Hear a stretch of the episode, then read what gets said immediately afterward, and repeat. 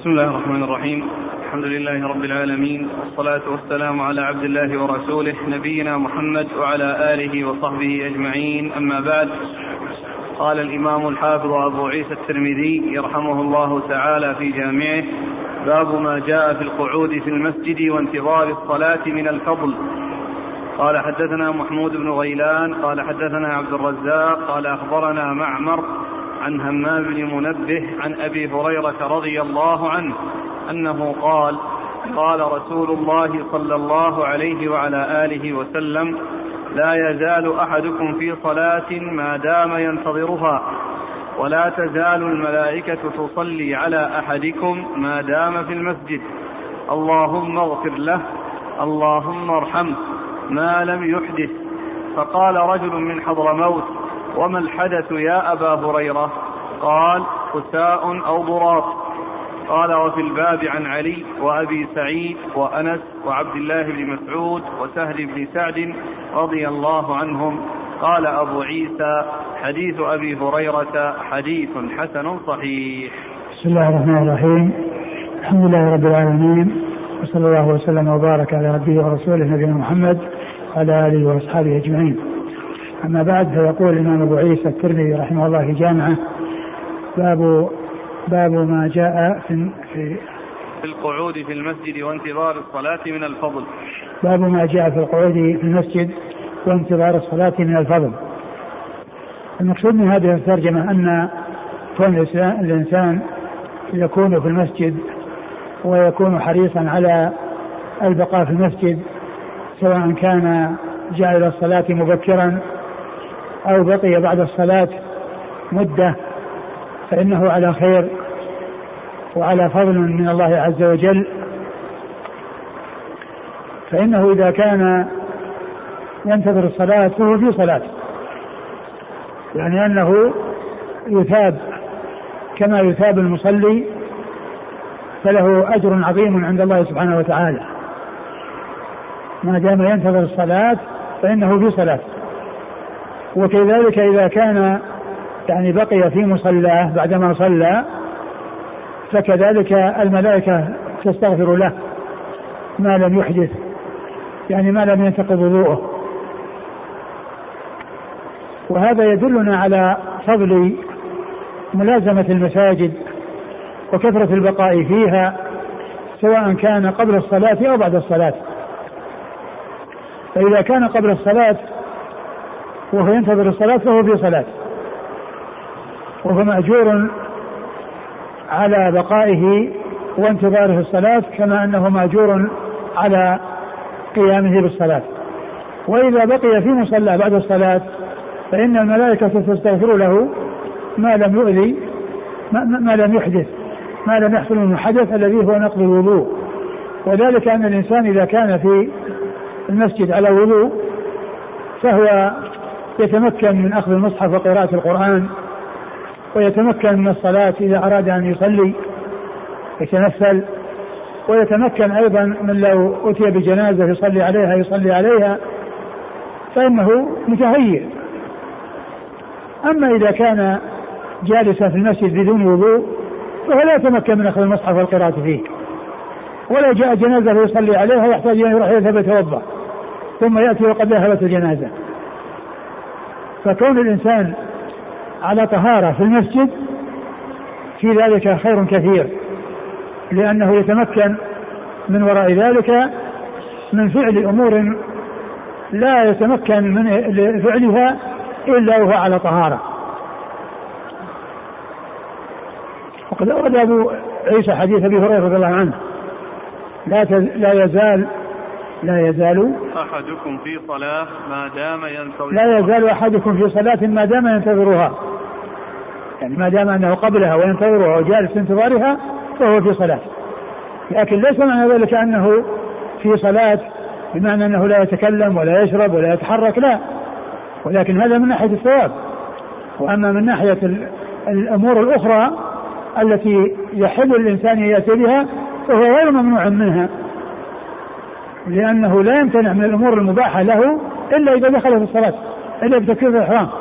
إذا وجد تكبير في الإحرام حرم بعدها ما كان أمور كانت حلالا قبلها. أما من كان ينتظر الصلاة فهو في صلاة في حيث الأجر والثواب. ولكن لا يقال أنه في صلاة من حيث أنه لا يتكلم كما المصلي لا يتكلم ولا يشرب كما المصلي لا يشرب ولا يتحرك ولا يقوم ولا يقعد. لا يقال إن هذا مثل هذا ولكن المقصود انه في الثواب وأنه في صلاة يعني يثاب على ذلك. وأما بعد الصلاة فالملائكة تستغفر له ما لم يحدث ما لم يحصل منه إحداث الذي هو نقض الوضوء لأنه بذلك يكون على طهارة يتمكن من قراءة القرآن ويتمكن من الصلاة إذا أرادها ويتمكن من آه، صلاة جنازة إذا حضرت أو صلاة كسوف إذا وجد. وما إلى ذلك من الأمور التي تطرأ فإنه يكون مستعدا ومتهيئا للصلاة بخلاف إذا كان جالسا على غير وضوء فإنه لو حصل أمر آه، يحتاج يحتاج فيه إلى الصلاة كالكسوف والجنازة احتاج إلى أن يذهب للوضوء. نعم.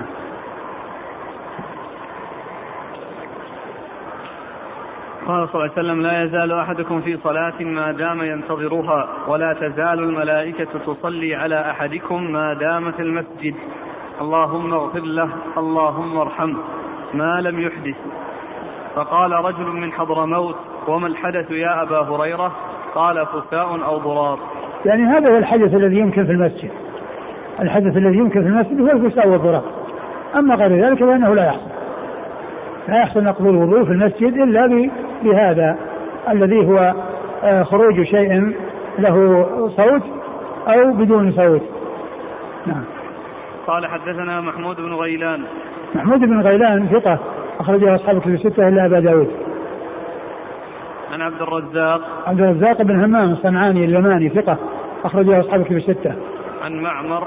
عن معمر بن راشد الأزدي البصري ثم اليماني ثقة أخرجه أصحاب كتب الستة. عن همام بن منبه. عن همام منبه وهو ثقة أخرجه أصحاب كتب الستة. عن أبي هريرة. عن أبي هريرة عبد الرحمن بن صخر الدوسي صاحب رسول الله صلى الله عليه وسلم وهو أكثر الصحابة حديثا على الإطلاق. وهذا الحديث من صحيفة همام منبه المشهورة التي آه هي أحاديث كثيرة. رواها الإمام أحمد في مسنده بكاملها وهي يفصل بين كل حديث وحديث كقوله وقال رسول الله صلى الله عليه وسلم. كذا. وأول حديث فيها نحن السابق نحن الآخرون الأولون يوم القيامة. نحن الآخرون الأولون يوم القيامة. هذا أول حديث في الصحيفة وبعد ذلك يأتي أحاديث يفصل بين كل حديث وحديث جملة وقال رسول الله صلى الله عليه وسلم. هذه صحيحة همام منبه وهي صحيحة. وهي بإسناد يعني الإمام أحمد يرويها عن عبد الرزاق عن معمر عن همام عن أبي هريرة. والذين دونه يروونها بطرق مختلفة. فمثلا هنا الترمذي يرويها عن طريق محمود بن محمود بن غيلان عن عبد الرزاق. ومسلم يرويها عن محمد بن رافع عن عبد الرزاق. وطريقة البخاري رحمه الله وكذلك طريقة غيره من الأئمة إلا مسلم إذا أوردوا حديثا من الصحيفة يسوقون الإسناد ثم ينتهي إذا قال رسول الله صلى الله عليه وسلم كذا ثم يأتي بالجملة التي يريد سواء كانت من أول الحديث أو وسطها أو آخره لأن الإسناد في الأول لها جميعا. الإسناد لها جميعا في الأول. ويفصل بين كل حديث وحديث وقال رسول الله صلى الله عليه وسلم كذا. فالبخاري وغيره من الأئمة إذا إذا رووا حديثا منها يأتون بالإسناد ثم يأتون بالجملة فيقول قال يقول قال الرسول صلى الله عليه وسلم كذا ثم يأتي بالجملة التي يريد إرادها وقد تكون في الأول وقد تكون في الوسط وقد تكون في الآخر. أما الإمام مسلم رحمه الله فله طريقة خاصة. وهي أنه يأتي بعبارة تدل على الذي لم يرد أن يذكره مما تقدم قبل الحديث فإنه يسوق الإسناد حتى يقول هذا ما حدثنا به أبو هريرة عن رسول الله صلى الله عليه وسلم فذكر أحاديث منها وقال رسول الله صلى الله عليه وسلم كذا وكذا. فأتى بعبارة تبين أن هذا الحديث ليس هذا موقعه من حيث الإسناد.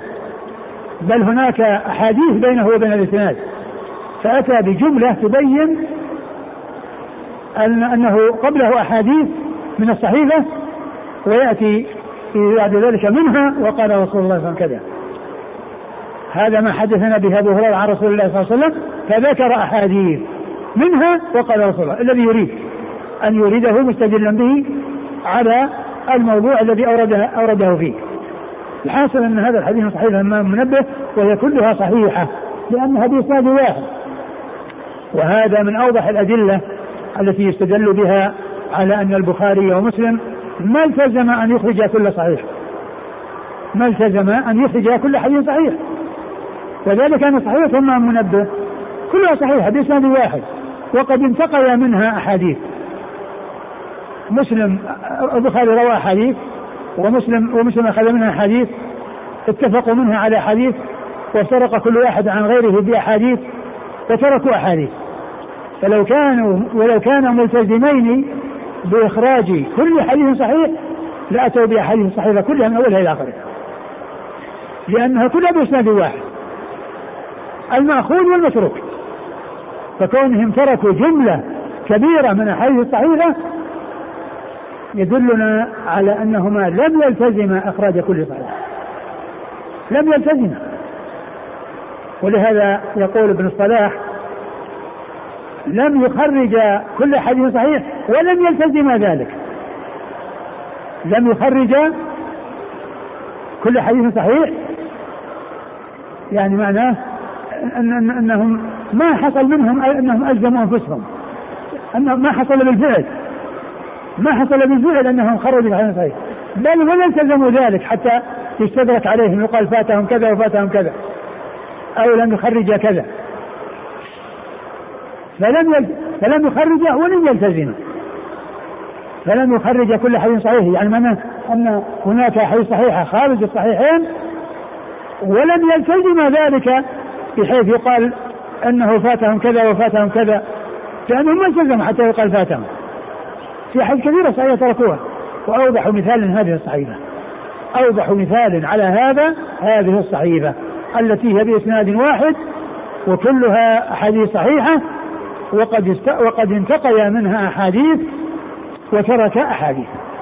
فهذا أوضح ما يستدل به على أن البخاري مسلم لم يلتزما لم يخرج كل حديث صحيح بل بل ولم يلتزم ذلك نعم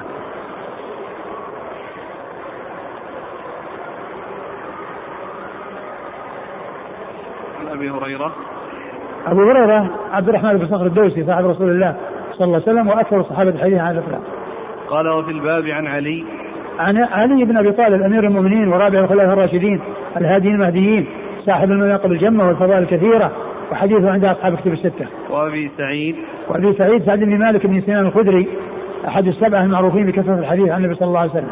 وأنس وأنس بن مالك خادم رسول الله عليه الصلاة والسلام وهو أحد السبعة أيضا.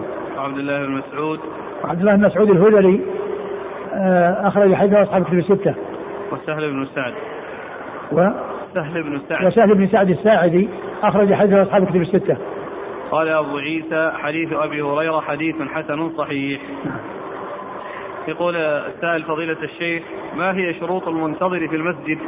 لو أنه جلس وكان يتكلم في أمور دنيوية هل يحصل له هذا والله إذا كان إذا كان يشتغل في أمور دنيوية فهو مشغول في أمور الدنيا وليس مشغول في أمور الآخرة. أمور الآخرة يشتغل فيها بقراءة القرآن والذكر التسبيح والتهليل والصلاة.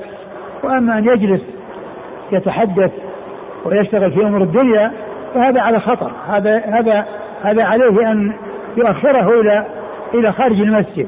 وأما المسجد فيشتغل فيه بالعلم النافع وقراءة القرآن والصلاة والذكر والعلم النافع. يقول السائل فضيلة الشيخ من كان مبتلا بسلة البول أو سلة الريح هل يحرم من صلاة الملائكة عليه؟ لا ما يحرم. اتقوا الله ما استطعتم. فاتقوا الله ما استطعتم. لأنه في صلاة ما دام في الصلاة وهو معذور لأنه يصلي إذا أراد أن يصلي وهو على هذا الحال. وإذا جاء وقت الصلاة صلى هو على هذا الحال. فهو معذور وهو مأجور. لأنه آه، آه، ما حصل منه شيء لأن هذا شيء مستمر دائم فكونه يعني يجلس في المسجد يعني قبل الصلاة ينتظرها فإنه في صلاة. وهل يجب على المصلي أن يبقى في مكانه حتى يحصل هذا الأجر؟ أم لا ما يجب. أقول ما يجب. يعني لو انتقل يعني آه، إلى جهة في المسجد يعني قام استند إلى عمود أو استند إلى جدار أو يعني ذهب إلى مكان يعني آه يكون آه أفيد له في آه جلوسه. ما في بس هل في الحديث دلالة على أن الجلوس في المسجد بغير طهارة جائز؟ نعم. إذا كان الإنسان يعني يحتاج إلى ذلك فله أن يجلس. إلا إذا كان على جنابة فإنه لا يجلس. قال رحمه الله تعالى باب ما جاء في الصلاة على الخمرة قال حدثنا قتيبة قال حدثنا أبو الأحوص عن سماك بن حرب عن عكرمة عن ابن عباس رضي الله عنهما أنه قال كان رسول الله صلى الله عليه وعلى آله وسلم يصلي على الخمرة. قال وفي الباب عن أم حبيبة وابن عمر وأم سليم وعائشة وميمونة وأم كلثوم بنت أبي سلمة بن عبد الأسد رضي الله عنهم ولم تسمع من النبي صلى الله عليه وسلم. وأم سلمة رضي الله عنها كذلك. قال أبو عيسى حديث ابن عباس وأم سلمة. يعني بعدها؟ أي. بعد بعد أم كلثوم بنت أبي سلمة. وأم سلمة؟ نعم. آه. قال أبو عيسى حديث ابن عباس حديث حسن صحيح وبه يقول بعض أهل العلم. وقال أحمد وإسحاق قد ثبت عن النبي صلى الله عليه وآله وسلم الصلاة على الخمرة. قال أبو عيسى والخمرة هو حصير قصير. ثم أورد أبو عيسى باب الصلاة على الخمرة. ثم أورد باب الصلاة على الحصير. ثم باب الصلاة على البساط. وكل هذا كل هذه تدل على أن الإنسان يصلي على حال بينه وبين الأرض. يصلي على حال بينه وبين الأرض. يعني من سجاد أو يعني آه، أو يعني آه، حصير من من الخوص. أو من غير ذلك من الحصر التي آه، يصلى عليها. وقال ودع بالخمرة والخمرة تسلف بأنها حصير صغير أنها حصير صغير. ومن بعض أهل العلم يقول إنها على قدر يعني السجود ولكن الصحيح فيها أنها يعني آآ آآ ليست خاصة بالسجود وإنما هي للسجود وغيره ولكنها صغيرة ليست كبيرة لأن الحصير قد يكون كبيرا يمكن الإنسان يضطجع عليه ويعني يضطجع عليه لطوله. وقد يكون قصيرا لا يكفي إلا للصلاة. كل إنسان يعني يعني يركع يسجد عليه لا يكفي إلا لمقدار سجود الإنسان وصلاة الإنسان عليه. مكان رجليه وركبتيه ويديه ووجهه. هذا هو حصير يعني خبرة حصير صغير. والحصير أعم وأوسع. لأنه يشمل ما إذا كان طويلا. يعني يشمل عدة مصلين أو يعني ينام عليه الإنسان بطوله. وأما إذا كان صغيرا على قدر المصلي على قدر السجادة التي يصلي على الإنسان ويسجد عليها فإنه يقال له خمرة.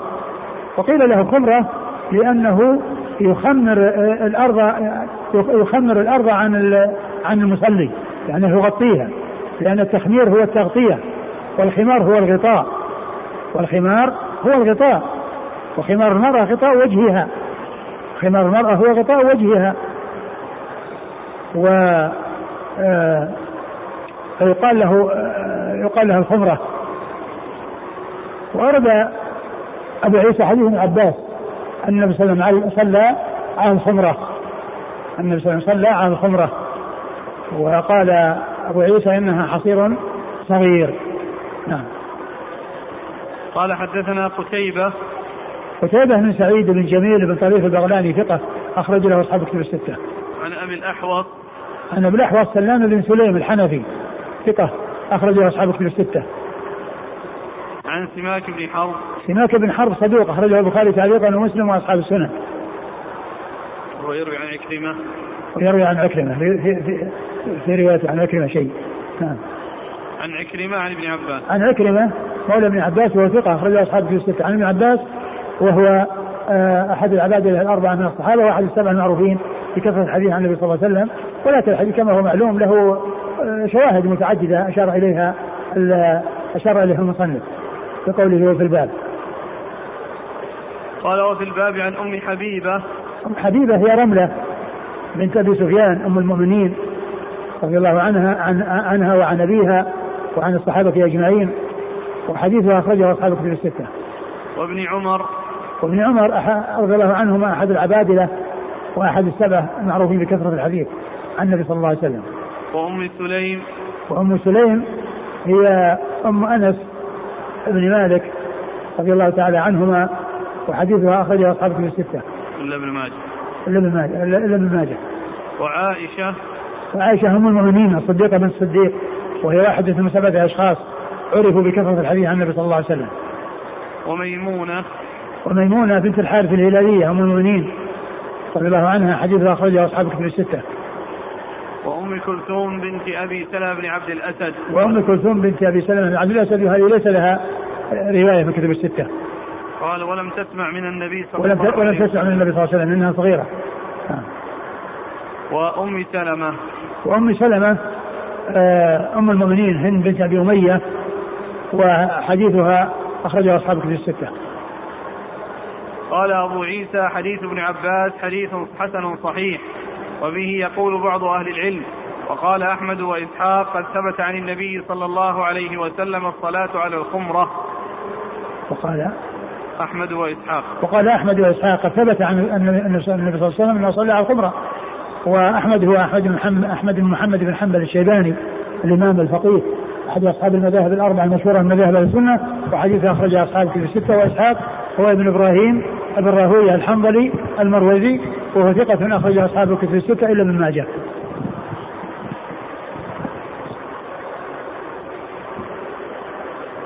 قال أبو عيسى والخمرة هو حصير قصير.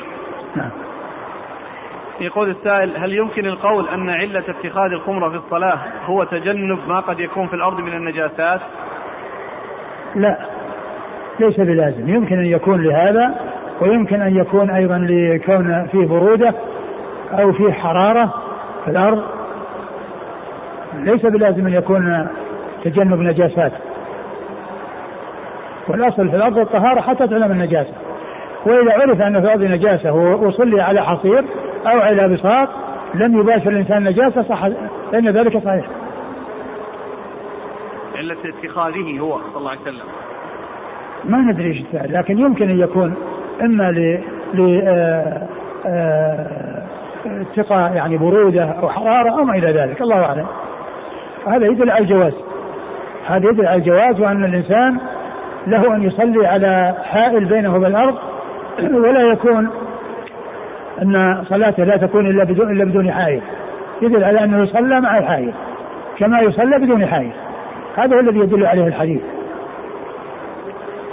الفقهاء يفرقون بين الحائل المتصل بالإنسان والحائل غير المتصل. له وجه.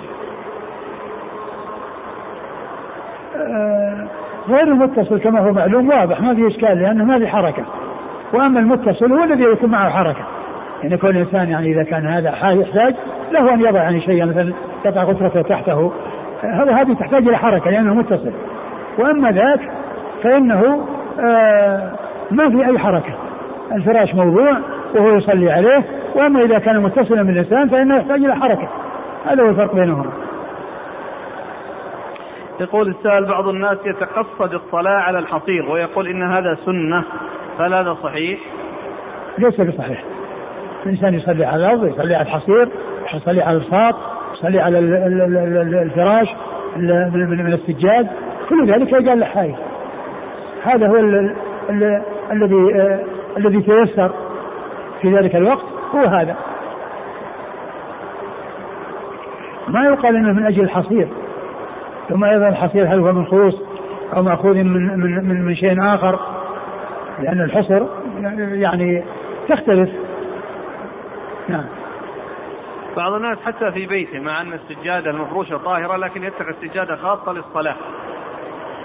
فإذا أنكر عليهم بأن هذا فيه شيء من التشبه بالرافضة الذين يخصصون للصلاة سجادة معينة مع أن سجادة البيت طاهرة. أبد المكان الذي هو طاهر يصلي يصلي عليه. أما إذا كان فيه اشتباه لأن فيه نجاسة وقد يكون عليه نجاسة ويعني أو أنه فيه الأصل هو الطهارة لكن إذا كان فيه اشتباه فإذا صلى الإنسان شيء لا بأس. لكن الأصل هو عدم ذلك وأن الإنسان لا يحتاج إلى سجادة فوق سجادة إلا إذا تحقق أن فيه نجاسة فإنه يعمل يعني شيء على السجادة المتنجسة يعمل شيئا فوقها ليصلي عليه. أما إذا لم يوجد فالأصل هو عدم ذلك. وأما إذا كان المكان في مشتبه ويعني يعني يحتمل أن يكون يعني فيه نجاسة يعني يكون أماكن يدخلها الناس صغار وكبار ويعني يتعاقبون عليها محتمل ولكن الأصل هو الطهارة حتى تعلم النجاسة. قال رحمه الله تعالى باب ما جاء في الصلاة على الحصير. قال حدثنا نصر بن علي قال حدثنا عيسى بن يونس عن الأعمش عن أبي سفيان عن جابر عن أبي سعيد رضي الله عنهما أن النبي صلى الله عليه وآله وسلم صلى على حصير.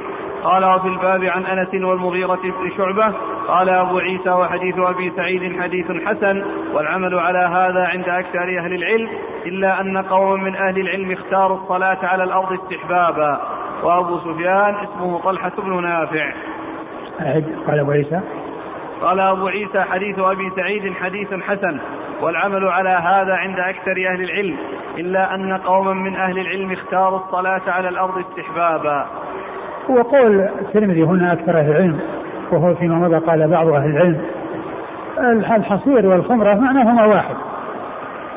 يعني ومعنى أكثر أهل العلم على أن الإنسان يصلي مع الحايل مع وضع الحايل سواء كان سمي خمرة أو سمي حصيرا أو سمي بساطا. يعني معناه شيء يحول بينه وبين الأرض شيء طاهر. يعني يحول بينه وبين الأرض سمي حصيرا أو خمرة أو بساطا أو أي مسمى. ما دام أنه شيء منفصل يوضع على الأرض ويفرش عليها ويصلى عليه من أي شيء كان ما دام أنه طاهر فإن هذا هو الأصل وهو الذي عليه أكثر أهل العلم.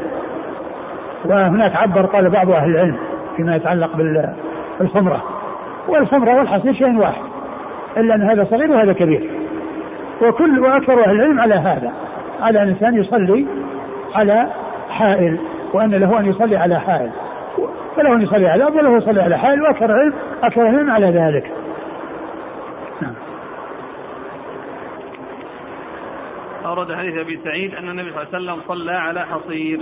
ورد أبو حديث أبو سعيد أبي سعيد أن النبي صلى على حصير والحصير أكبر من الخمرة لأنه قد يكون كبيرا يكتسب لعدد كبير من الناس حصير كبير. نعم. قال حدثنا نصر بن علي نصر بن علي ابن نصر بن علي الجهضمي وهو ثقة أخرجه أصحاب كتب الستة. عن عيسى بن يونس عن عيسى بن يونس وهو بن أبي إسحاق السبيعي ثقة أخرجه أصحاب الكتب. ثقة أخرجه أصحاب الكتب الستة. عن الأعمش عن الأعمش سليمان بن مهران الكاهلي الكوفي ثقة أخرجه أصحاب الكتب الستة. عن أبي سفيان عن أبي سفيان طلحة بن نافع صدوق اخرجه أصحاب الكتب الستة. عن جابر عن جابر بن عبد الله رضي الله عنهما وهو أحد السبعة المعروفين بكثرة الحديث عن النبي صلى الله عليه وسلم. عن أبي سعيد. عن أبي سعيد الخدري سعد بن مالك مر ذكره. رواية صحابي عن صحابي. نعم وفي رواية صحابي عن صحابي. وكل وكل منهما مكثر عن رسول الله صلى الله عليه وسلم. جابر بن عبد الله أحد السبعة وأبو سعيد أحد السبعة. قال وفي الباب الذين زادت أحاديثهم على الألف في كتب الكتب الستة. نعم. قال وفي الباب عن أنس. وفي الباب عن أنس بن مالك رضي الله عنه مر ذكره. لعله الحديث الذي صلى في بيته فقمت إلى حصير قد اسود من نعم نعم هو نعم. والمغيرة بن شعبة؟ والمغيرة بن شعبة أخرج حديث أصحاب الكتب الستة. قال أبو عيسى حديث أبي سعيد حديث حسن والعمل على هذا عند أكثر أهل العلم إلا أن قوما من أهل العلم اختاروا الصلاة على الأرض استحبابا. نعم. وأبو سفيان اسمه طلحة بن نافع. نعم.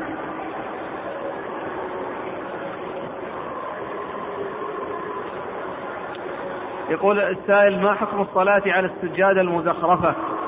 وما حكم شرائها وإهدائها للناس؟ الصلاة تصح لكن الأولى أن الإنسان لا يشتري شيء مزخرف ولكنه يشتري شيء ليس فيه زخرفة وسواء استعمله أو أهداه إلى الناس الذي ينبغي الإنسان أن يستعمل شيئا لا زخرفة فيه سواء لنفسه أو لإهدائه إلى غيره.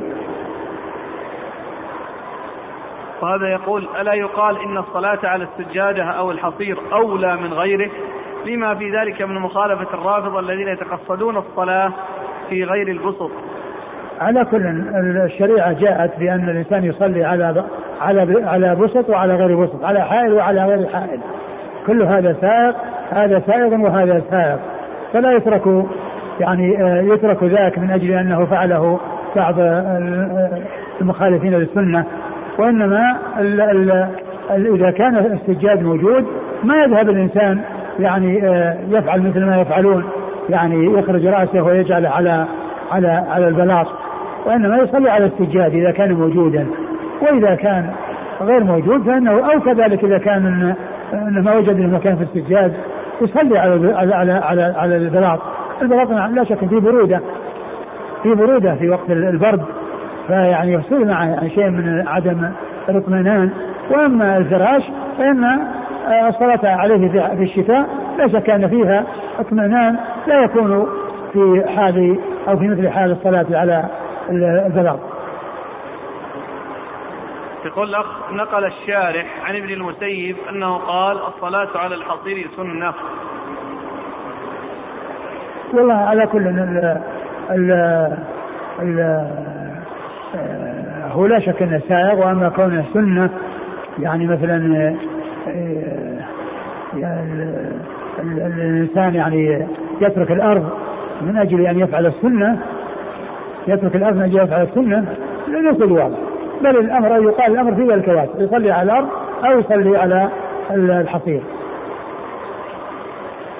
قال رحمه الله تعالى باب ما جاء في الصلاة على البسط. قال حدثنا هناد قال حدثنا وكيع عن شعبة عن أبي التياح الضبعي قال سمعت أنس بن مالك رضي الله عنه يقول كان رسول الله صلى الله عليه وآله وسلم يخالطنا حتى إن كان يقول لأخ لي صغير يا أبا عمير ما فعل النغير؟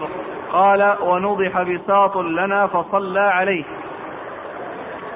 قال في الباب عن ابن عباس قال أبو عيسى حديث أنس حديث حسن صحيح والعمل على هذا عند أكثر أهل العلم من أصحاب النبي صلى الله عليه وسلم ومن بعدهم لم يروا بالصلاة على البساط والطنفسة بأسا وبه يقول أحمد وإسحاق واسم أبي السياح يزيد بن حميد. ثم رد أبو عيسى باب الصلاة على البساط. والبساط أعم من الحصير لأن البساط هو اسم لما يسقط على الأرض سواء كان حصيرا أو غير حصير. والحصير إنما يكون من من من الخوص أو الأعواد. هذا قال له حصير. فإذا كان من القماش أو من القطن أو ما ذلك لا يقال له حصير. يقال له بساط. فهو عم يعني من الحصير. وقد يطلق على الحصير أنه بساط لأنه مبسوط أو يبسط على الأرض ولكنه أعم من الحصير. وقد أورد أبو عيسى حديث أنس بن مالك رضي الله عنه أن النبي كان يخالطنا يعني مناه أنه يكون معهم في بيتهم كأنه واحد منهم حتى أنه يقول يعني يداعب آه، أخا له صغير يكنى بأبي عمير آه، يقول يا أبا عمير ما فعل النغير. والنغير هو طائر صغير تصغير نغر نغر آه، وهو مثل العصفور أو قريب من العصفور. وكان يعني يلعب به ذلك الصبي. ف وقد مات ذلك الصبي العصفور فحزن عليه يعني ذلك الطفل. فكان النبي صلى الله عليه وسلم يقول يا أبا عمير ما فعل النغير؟ يعني يداعبه ويلاعبه. وقال إن فلما إيش؟ جاء الصلاة. قال ما ولم وقال ونوضح بساط لنا فصلى عليه. قال ونوضح لنا بساط فصلى عليه. وقد جاء في بعض الأحاديث أنه نضح انه أنه نضح حصيرا. انه أنه كان لهم حصير قد اسود من طول ما لبس أي استعمل فنضحوه يعني بالماء حتى يلين حتى يعني يعني يصير فيه لين لأن ما يكون فيه قسوة وخشونة يعني بسبب الرش بالماء والنضح. يعني يلين فقام وصلى عليه. و والبساط يعني كما قلت هو أعم من الحصير لأنه يشمل ما يبسط على الأرض سواء كان من القطن أو الصوف أو من الأعواد أو من سعف النخل آه، فهو أعم نعم. قال حدثنا هناد. هناد بن السري أبو السري ثقة. أخرجه البخاري في خلق أفعال العباد ومسلم وأصحاب السنة عن وكيع عن وكيع بن الجراح الرؤاسي الكوفي ثقة أخرجه أصحاب كتب الستة. عن شعبة عن شعبة بن الحجاج الواسطي ثم البصري وهو ثقة أخرجه أصحاب كتب الستة. عن أبي التياح الضبعي. عن أبي التياح الضبعي وهو حميد يزيد بن حميد. يزيد بن حميد وهو ثقة أخرجه أصحاب كتب الستة. عن أنس. عن أنس رضي الله عنه وقد مر ذكره. قال وفي الباب عن ابن عباس قال أبو عيسى حديث أنس حديث حسن صحيح والعمل على هذا عند أكثر أهل العلم من أصحاب النبي صلى الله عليه وآله وسلم ومن بعدهم لم يروا بالصلاة على البساط والطنفسة بأسا. البساط والطنفسة الطنفسة ما يعني يكون له آه، كساء أو بساط له خمل يعني فيه أشياء يعني بارزة فيه. يعني وهو من ليس من ليس من قبيل الحصير. وإنما هو من قبيل القطن أو غير ذلك من قبيل البسط التي آه، هي ليست من ساعات النخل أو من الأعواد وإنما هي من قطن أو غيره. قال وبه يقول أحمد وإسحاق واسم أبي التياح يزيد بن حميد. نعم.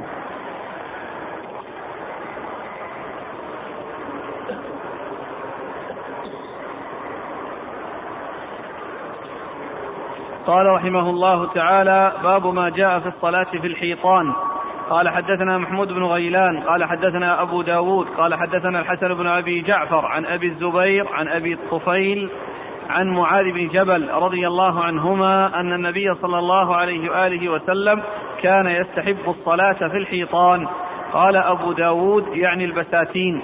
قال أبو عيسى حديث معاذ حديث غريب لا نعرفه إلا من حديث الحسن بن أبي جعفر والحسن بن أبي جعفر قد ضعفه يحيى بن سعيد وغيره وأبو الزبير اسمه محمد بن مسلم بن تدرس وأبو الطفيل اسمه عامر بن واتلة ثم ورد أبو عيسى باب الصلاة في الحيطان والحيطان جمع حائط وهو البستان. وهو البستان هذا هو المقصود به. وقد أورد فيه حديثا ضعيفا من جهة من أجل رجل من, من إسناده وأيضا رجل آخر مدلس وروايته بالعنعنة. و آه، وهو محمد بن مسلم بن تدرس المكي الذي هو يعني المدلس الذي روى بالعنعنة عن عن أبي الطفيل والحديث لم يثبت عن النبي صلى الله عليه وسلم وهو ضعيف. نعم. قال حدثنا محمود بن غيلان عن أبي داود. أبي داود هو سليمان بن داود وهو الطيالسي وهو ثقة أخرجه البخاري تعليقا ومسلم وأصحاب السنة عن الحسن بن أبي جعفر. عن الحسن بن أبي جعفر وهو ضعيف أخرج له الترمذي وابن ماجه. نعم. الترمذي وابن ماجه. عن أبي الزبير. عن أبي الزبير محمد بن مسلم بن تدرس وهو صدوق أخرجه أصحاب كتب الستة. عن أبي الطفيل. عن أبي الطفيل وهو عامر بن واتلة. نعم. وهو ثقة. وهو نعم. صحابي صغير أخرجه أصحاب كتب الستة. وهو آخر من مات من أصحاب النبي صلى الله عليه وسلم. الا إنه آخر من مات على الإطلاق. نعم. عن معاذ بن جبل. عن معاذ بن جبل رضي الله عنه وحديثه أخرجه أصحاب كتب الستة. وهذا رواية صحابي عن صحابي رواية صحابي صغير عن صحابي كبير. قال أبو عيسى حديث معاذ حديث غريب لا نعرفه إلا من حديث الحسن بن أبي جعفر والحسن بن أبي جعفر قد ضعفه يحيى بن سعيد وغيره. نعم. يحيى بن سعيد. بن سعيد القطان ثقة أخرجه أصحابه في الستة. وأبو الزبير اسمه محمد بن مسلم بن تدرس وأبو الطفيل اسمه عامر بن واثلة.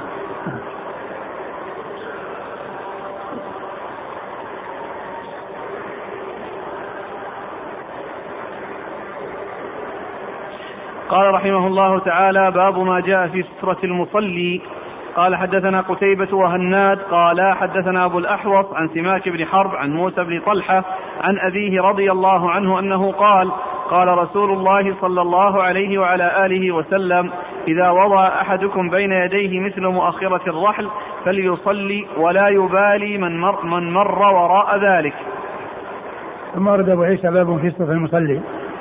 وهي ما يتخذه المصلي سترة له وهو في صلاته سواء كانت فرضا أو نفلا. ويعني سواء كان إماما أو منفردا إماما أو منفردا. وأما المأموم فسترة الإمام سترة له. لا يتخذ المأموم سترة بل سترة الإمام سترة المأمومين. والذي يتخذ السترة هو الإمام أو المنفرد في الصلاة. هؤلاء هم الذين يتخذون السترة. وجمهور أهل العلم على استحبابها. وبعض أهل العلم قال بوجوبها. وقد أورد أبو عيسى حديث طلحة بن عبيد الله رضي الله تعالى عنه أن النبي صلى الله عليه وسلم قال إذا وضع أحدكم بين يديه مثل مؤخرة الرحل فليصلي ولا يبالي من مر وراء ذلك. إذا وضع المصلي بين يديه مثل مؤخرة الرحل يعني شيئا مرتفعا يعني يدل على آه، السترة أو يعني علامة على السترة مثل مؤخرة الرحل ومؤخرة الرحل هو العود الذي يستند إليه الراكب. العود الذي يستند إليه الراكب لأن الرحل يعني يكون له عودان عود في الأمام وعود في الخلف يعني عود في المقدمة وعود في المؤخرة والراكب يعني يركب بينهما ويعني يمسك يضع يده على الذي في المقدمة ويستند يسند ظهره على الذي المؤخرة المقصود من ذلك أن يكون شيئا يعني بارزا يعني يلفت النظر المار بأن فيه سترة وأن الإنسان يصلي إلى سترة. فإذا يقول إذا وضع إذا وضع المصلي بين يديه مثل مؤخرة الرحل فلا يبالي أي شيء يمر بعد ذلك. لأن الإنسان ينظر إلى محل سجوده فلا ينظر إلى أمامه وراء السترة بحيث يعني يتشوش. وإذا مر أحد بينه وبين السترة يمنعه. فإذا مر السترة فإنه لا علاقة له به لا علاقة له به. لكن إذا لم يصلي إلى سترة فإن المار يترك مقدار ثلاثة أذرع من آه، قدم المصلي تقريبا ويمر من وراء ذلك لأنه لا يعني يستغل لا يملك المسافة الطويلة التي أمامه إذا لم يكن له سترة. بل الإنسان إذا مشى من وراءه من مكان بعيد وعلى الأقل يترك بينه وبين ثلاثة أمتار ثلاثة أذرع ثلاثة أذرع لأن النبي صلى الله عليه وسلم لما دخل الكعبة صلى بين العمودين وبينه وبين الجدار ثلاثة أذرع. بينه وبين الجدار ثلاثة أذرع لم يكن قريبا من الجدار ولم يقرب من الجدار عليه الصلاة والسلام وإنما صلى بين العمودين بالكعبة. فهذا المقدار الذي تركه النبي صلى الله عليه وسلم بينه وبين الجدار وهو ثلاث أذرع يتركه المار بين يدي المصلي ويمشي من من وراء هذه المسافة أو من من من بعد مقدار هذه المسافة. نعم. قال حدثنا قتيبة وهناد عن أبي الأحوص عن سماك بن حرب عن موسى بن طلحة آه مر ذكرها أول الإسناد قتيبة وهناد عن أبي الأحوص قتيبة وهناد عن أبي الأحوص. عن سماك بن حرب نعم. عن موسى بن طلحة. أولئك مر ذكرهم موسى بن طلحة ابن عبيد الله ثقة أخرجه أصحاب كتب الستة. عن, عن أبيه طلحة بن عبيد الله أحد العشرة المبشرين بالجنة رضي الله تعالى عنه وحديثه أخرجه أصحاب كتب الستة. قال وفي الباب عن أبي هريرة مر ذكره. وسهل بن أبي حثمة. سهل بن أبي حثمة أخرج حديثه أصحاب الستة. نعم. وابن عمر وسبرة بن معبد الجهني. وسبرة بن معبد الجهني أخرج حديثه. البخاري تعليقا ومسلم وأصحاب السنة. البخاري تعليقا ومسلم وأصحاب السنة. وأبي جحيفة. وأبي جحيفة وهب بن عبد الله السوائي أخرج حديثه وأصحاب الكتب الستة. وعائشة. وعائشة مر ذكرها. قال أبو عيسى حديث طلحة حديث حسن صحيح والعمل على هذا عند أهل العلم. وقالوا سترة الإمام سترة لمن خلفه نعم. يا ما الراجح في حكم السترة؟ يبدو أنها ليست واجبة. لأن النبي صلى الله عليه وسلم في الكعبة ما صلى إلى سترة. صلى بين العمودين وبينه وبين الجدار ثلاثة أذرع. آه ما سترة المأموم المسبوق؟ إذا سلم الإمام هل سترة الإمام تبقى سترة لا ما تبقى. ما تبقى لأن الإمام الإمام الإمام السترة لما كان يصلي. فإذا فرغ من صلاته انتهت الإمامة. انتهت الإمامة. وصار المسبوق بمثابة المنفرد لأنه يصلي وحده ويتم صلاته وحده وانتهت الإمامة وانتهت السترة بالنسبة للإمام. و فإذا كان آه يعني آه هو في صف وقدامه صف والصف الذي هو قبله آه، سترة له. سترة له. يعني لا يخلي أحد يمر بينه وبين الصف الذي أمامه نعم. يقول الأخ نود معرفة قدر السترة طولا بالسنتيمترات. والله ما ما ما فيها تحديد. وأيضا ماخرة الرحل أيضا تختلف في الطول والقصر. والمهم في الأمر أن يكون شيئا شاخصا. فالرسول صلى الله عليه وسلم كان يتخذ عنزة. يعني كان إداوة عنزة فالعنزة يركزها ويصلي إليها. والعنزة عصا. طبعا هي أكبر من مؤخرة الرحل. ومؤخرة الرحل هي جاءت في الحديث وذكرت لقصرها ويعني أن, أن, أن لأنها على آه، التي يستند إليها الراكب. و وقد جاء أيضا في بعض الأحاديث الإنسان يخط خطا إذا لم يجد. وهذا يعني يدل على يدل على آه، وجود السترة بالنسبة للمار إذا رأى خطا في الأرض يعني أمام المصلي. فهو أيضا إذا لم يجد يتخذ خطا. نعم. فمثلا هذا يقول هل يجزئ وضع الكتاب؟ والحديث ذكره آه، الحديث إنه يحط خطا. ذكره الحافظ بن حجر في البلوغ وقال إسناده حسن ولم يصب من قال إنه مضطرب. يقول وضع الكتاب أمام المصلي هل يعتبر سترة؟ نعم يعتبر سترة نعم. يعتبر سترة لكن ما يوقفه ما يعمله واقف يعني هكذا وإنما يضعه. وهو أكثر من الخط وأوضح من الخط إذا وقفه يصير لا لا كونه يوقف الكتب لأن هذا عرضة لأنها تسقط أو إن أحد يعني يعني يعني يمر بها فيسقطها. كذلك يسأل هذا عن الكرسي كراسي المصاحف. تعتبر سترة لو وضعها أمامه نعم تعتبر سترة. تعتبر سترة.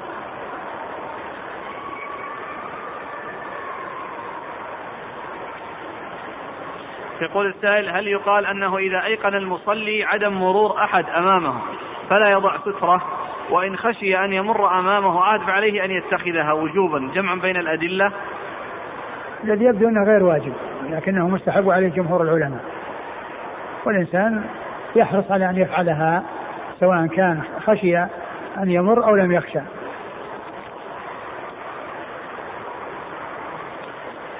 قال رحمه الله تعالى باب ما جاء في كراهية المرور بين يدي المصلي. قال حدثنا إسحاق بن موسى الأنصاري قال حدثنا معا قال حدثنا مالك بن أنس عن أبي النضر عن بسر بن سعيد. أن زيد بن خالد الجهني رضي الله عنه أرسله إلى أبي جهيم رضي الله عنه يسأله ماذا سمع من رسول الله صلى الله عليه وآله وسلم في المار بين يدي المصلي. فقال أبو جهيم قال رسول الله صلى الله عليه وآله وسلم لو يعلم المار بين يدي المصلي ماذا عليه لكان أن يقف أربعين خير له من أن يمر بين يديه. قال أبو النضر لا أدري. قال أربعين يوما أو شهرا أو سنة. نعم. قال أبو عيسى وفي الباب عن أبي سعيد الخدري وأبي هريرة وابن عمر وعبد الله بن عمرو. قال أبو عيسى وحديث أبي جهيم حديث حسن صحيح. وقد روي عن النبي صلى الله عليه وآله وسلم أنه قال لأن يقف أحدكم مئة عام خير له من أن يمر بين يدي أخيه وهو يصلي. والعمل عليه عند أهل العلم كرهوا المرور بين يدي المصلي ولم يروا أن ذلك يقطع ولم يروا أن ذلك يقطع صلاة الرجل. واسم أبي النضر سالم مولى عمر بن عبيد الله المديني. ثم ورد أبو عيسى هذه الترجمة باب كراهية المرور بين يدي المصلي. والمراد بالكراهية هنا كراهية التحريم لأن هذا فيه وعيد وفيه يعني بيان يعني آه خطورة المرور بين يدي المصلي. فهو فهو محرم وليس مكروها فقط وليس مكروها فقط لأنه جاء ما يدل على أولا دفعه ومقاتلته يعني دفع بقوة ولو كان ذلك مجرد مكروه ما يعني يحصل فيه مثل ذلك.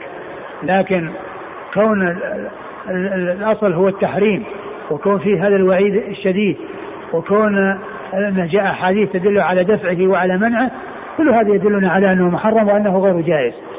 وذلك لأنه يشوش على الإنسان. ليس لأنه يقطع الصلاة بمعنى أنه أنه يقطعها. وإنما فيه تشويش على الإنسان ويعني آه، عدم آه، آه، بقائه يعني في صلاته مطمئنا يعني خاشعا بسبب هذا الذي مر عليه وشوش عليه. قد أورد حديث أبي جهيم رضي الله عنه أن النبي صلى الله عليه وسلم قال لو يعلم المار بين يدي المصلي ماذا عليه؟ يعني من الإثم. لكان أن يقف أربعين خير له من أن يمر بين يدي المصلي. قال أبو النضر لا أدري قال أربعين سنة أو أربعين شهرا أو أربعين يوما. والمقصود من كونه يقف يعني معناه هذا فيه إرشاد إلى أن الإنسان إذا وجد الإنسان عنده سترة ولا يستطيع يقف ينتظر حتى يسلم. إلا إذا وجد مجال لأنه يتقدم أمام أو صف وراء ويعني يمشي ولا ينتظر يفعل. وإلا فإنه ينتظر. اللهم إذا يكون مضطرا لا يستطيع أن ينتظر فهذا شيء آخر. يعني مضطر لكونه يعني يقضي حاجته وأنه لو لو بقي حصل يعني شيء ما هو طيب فإنه في هذه الحالة معذور.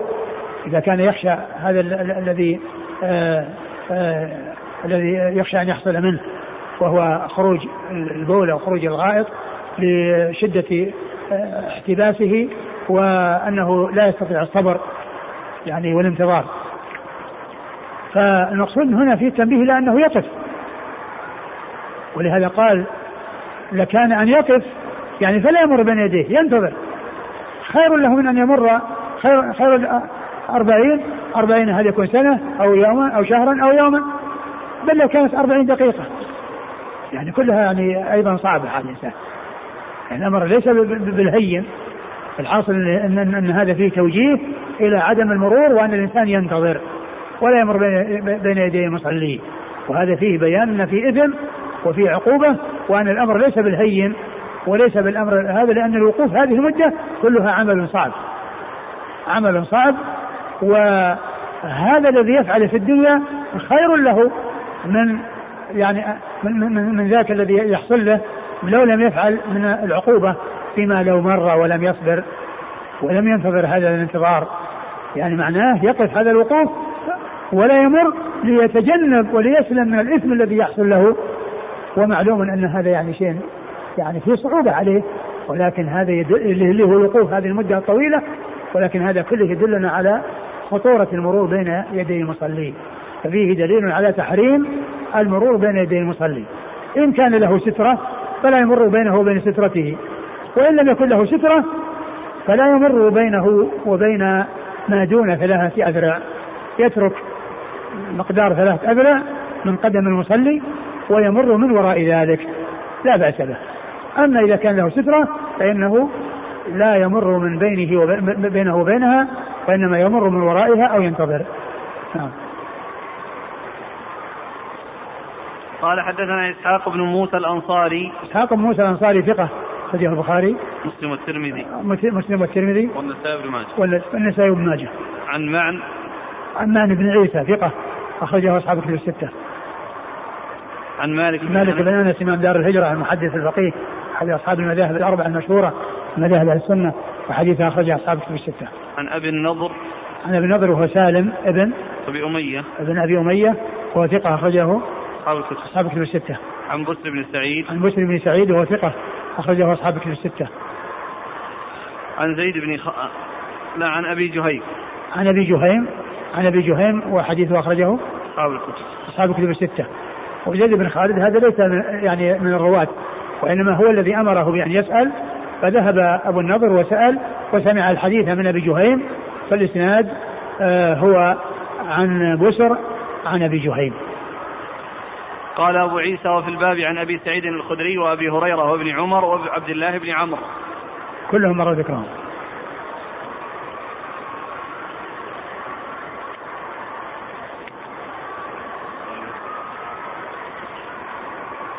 قال أبو عيسى وحديث أبي جهيم حديث حسن صحيح. وقد روي عن النبي صلى الله عليه وسلم أنه قال لأن يقف أحدكم مئة عام خير له من أن يمر بين يدي أخيه وهو يصلي. وهذا أورده يعني ابن ماجه وهو حديث ضعيف.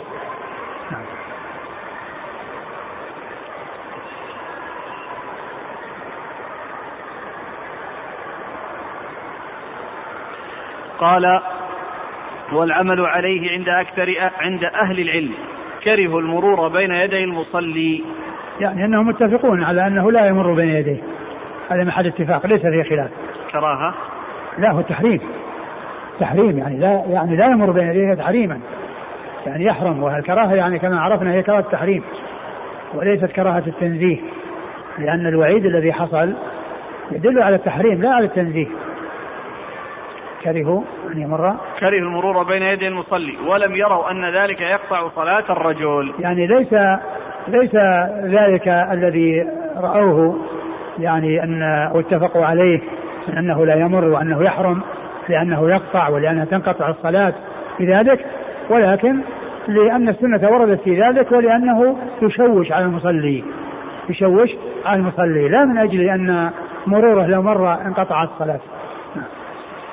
واسم ابي النضر سالم مولى عمر بن عبيد الله المديني.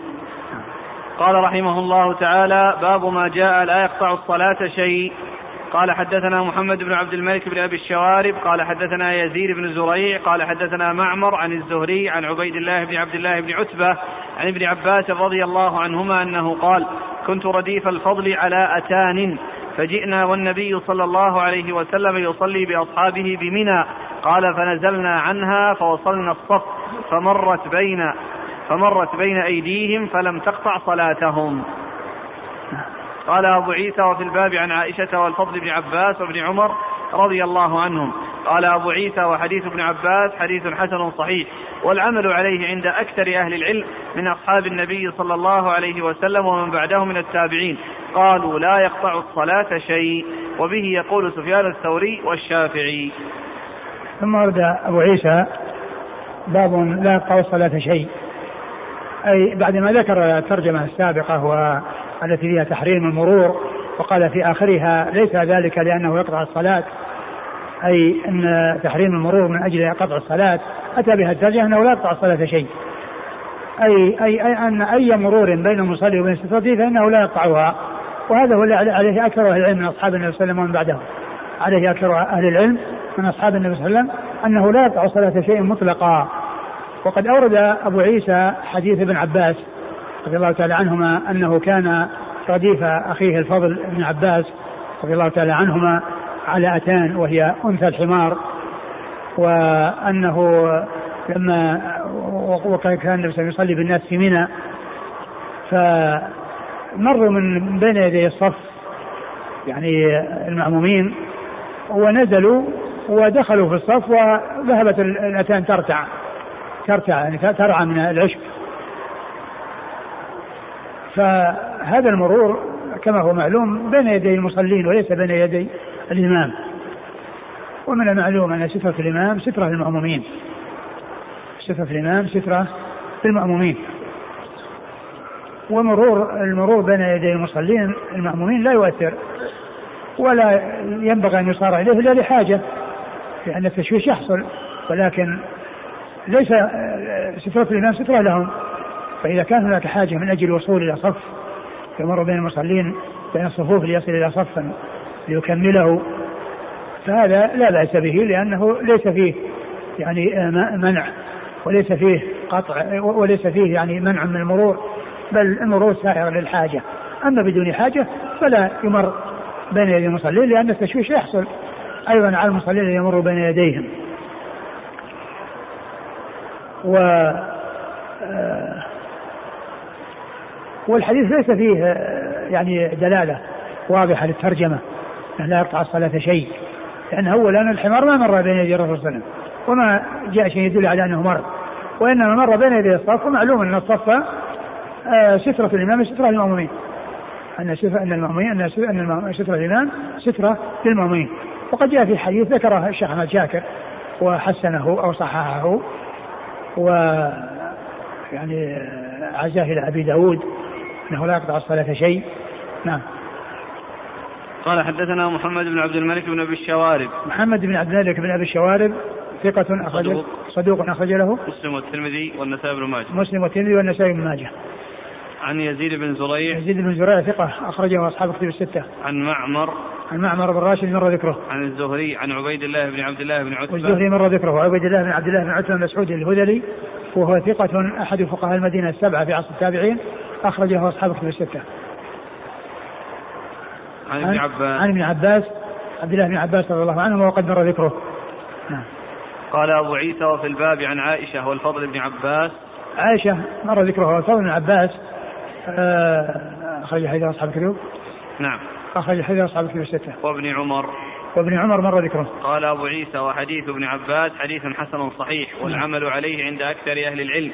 من أصحاب النبي صلى الله عليه وسلم ومن بعده من التابعين قالوا لا يقطع الصلاة شيء. نعم. وبه يقول سفيان الثوري والشافعي. سفيان الثوري آه، سفيان بن سعيد بن مسروق الثوري ثقة فقيه أخرجه أصحاب كتب الستة والشافعي محمد بن إدريس الشافعي المحدث المحدث الإمام الفقيه أحد أصحاب المذاهب الأربعة المشهورة. مذاهب أهل السنة حديث أخرجه البخاري تعليقا وأصحاب السنة. انتهى الباب. والله أعلم وصلى الله وسلم وبارك على عبد ورسول نبينا محمد وعلى آله وصحبه أجمعين. جزاكم الله خيرا وبارك الله فيكم ونفعنا الله بما قلتم الآن هذا الذي نقله عن أهل العلم أنه لا يقطع الصلاة شيء. أكثرهم. يرون أن حتى المرأة والحمار مطلقة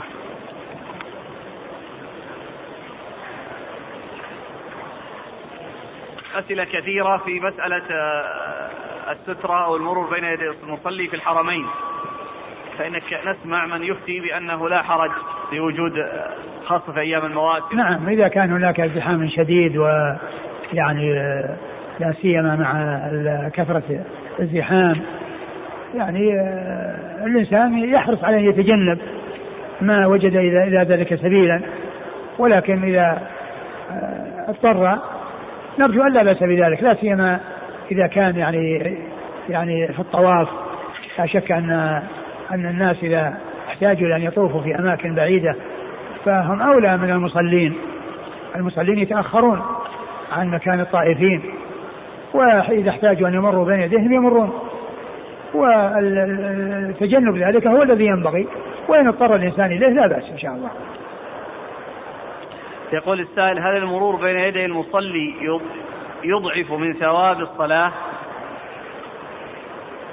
آه، بالنسبة للمصلي إذا كان أنه يعني فعل يعني ما هو مطلوب منه مطلوب منه ورد ومنع يعني هذا فهو صلاته لا تنقص.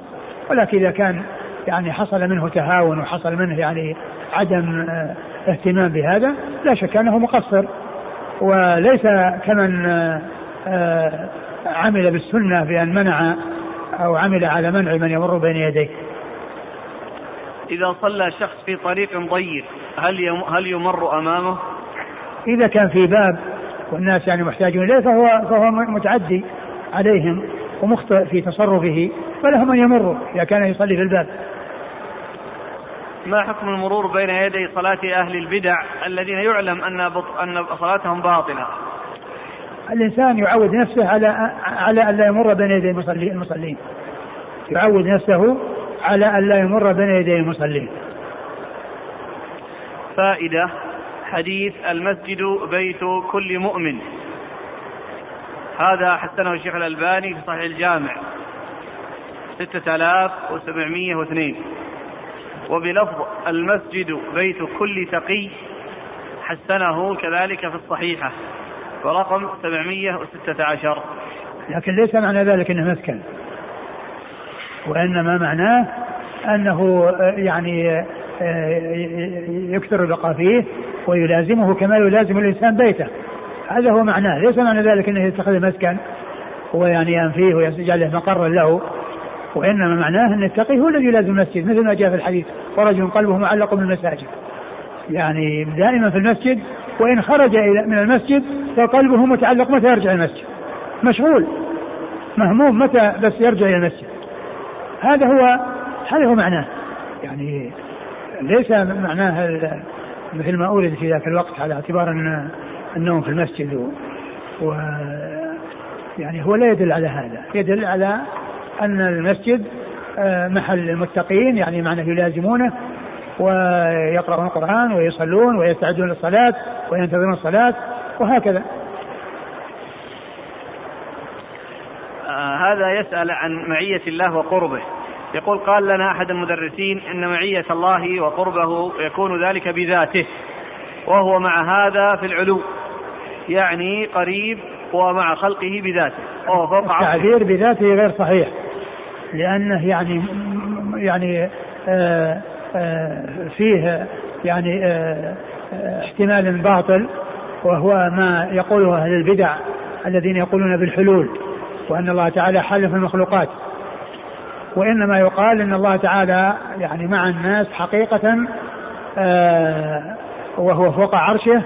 ومعلوم أن علو الله عز وجل على عرشه والمخلوقات كلها آه أمام عظمة الله ليست بشيء بل هي ضئيلة وحقيرة أمام عظمة الله سبحانه وتعالى فإن الله عز وجل قريب وإن لم يكن في داخل المخلوقات. أما المخلوقات فإن الله لا يحل فيها ولا تحل فيه فهو مباين للمخلوقات. ولكن لا يعبر بأنه أنه مع الناس بذاته لأن هذا فيه احتمال المعنى الباطل الذي هو القول بالحلول الذي يقول الله حل في المخلوقات. ومن المعلوم أن الألفاظ التي تحتمل معنى حقا وباطلا يجب اجتنابها. ولكن يقال إنه فوق عرشه حقيقة وهو مع عباده حقيقة وهو كما قال شيخ الإسلام ابن تيمية وقال غير قبله غيره من أهل العلم هو قريب في علوه آه علي في دنوه. قريب في علوه علي في دنوه. يعني إذا دنا من مخلوقاته فهو عالي. ومع كونه عالي هو قريب من مخلوقاته. نعم. جزاكم الله خيرا وبارك الله فيكم ونفعنا الله ما قلت.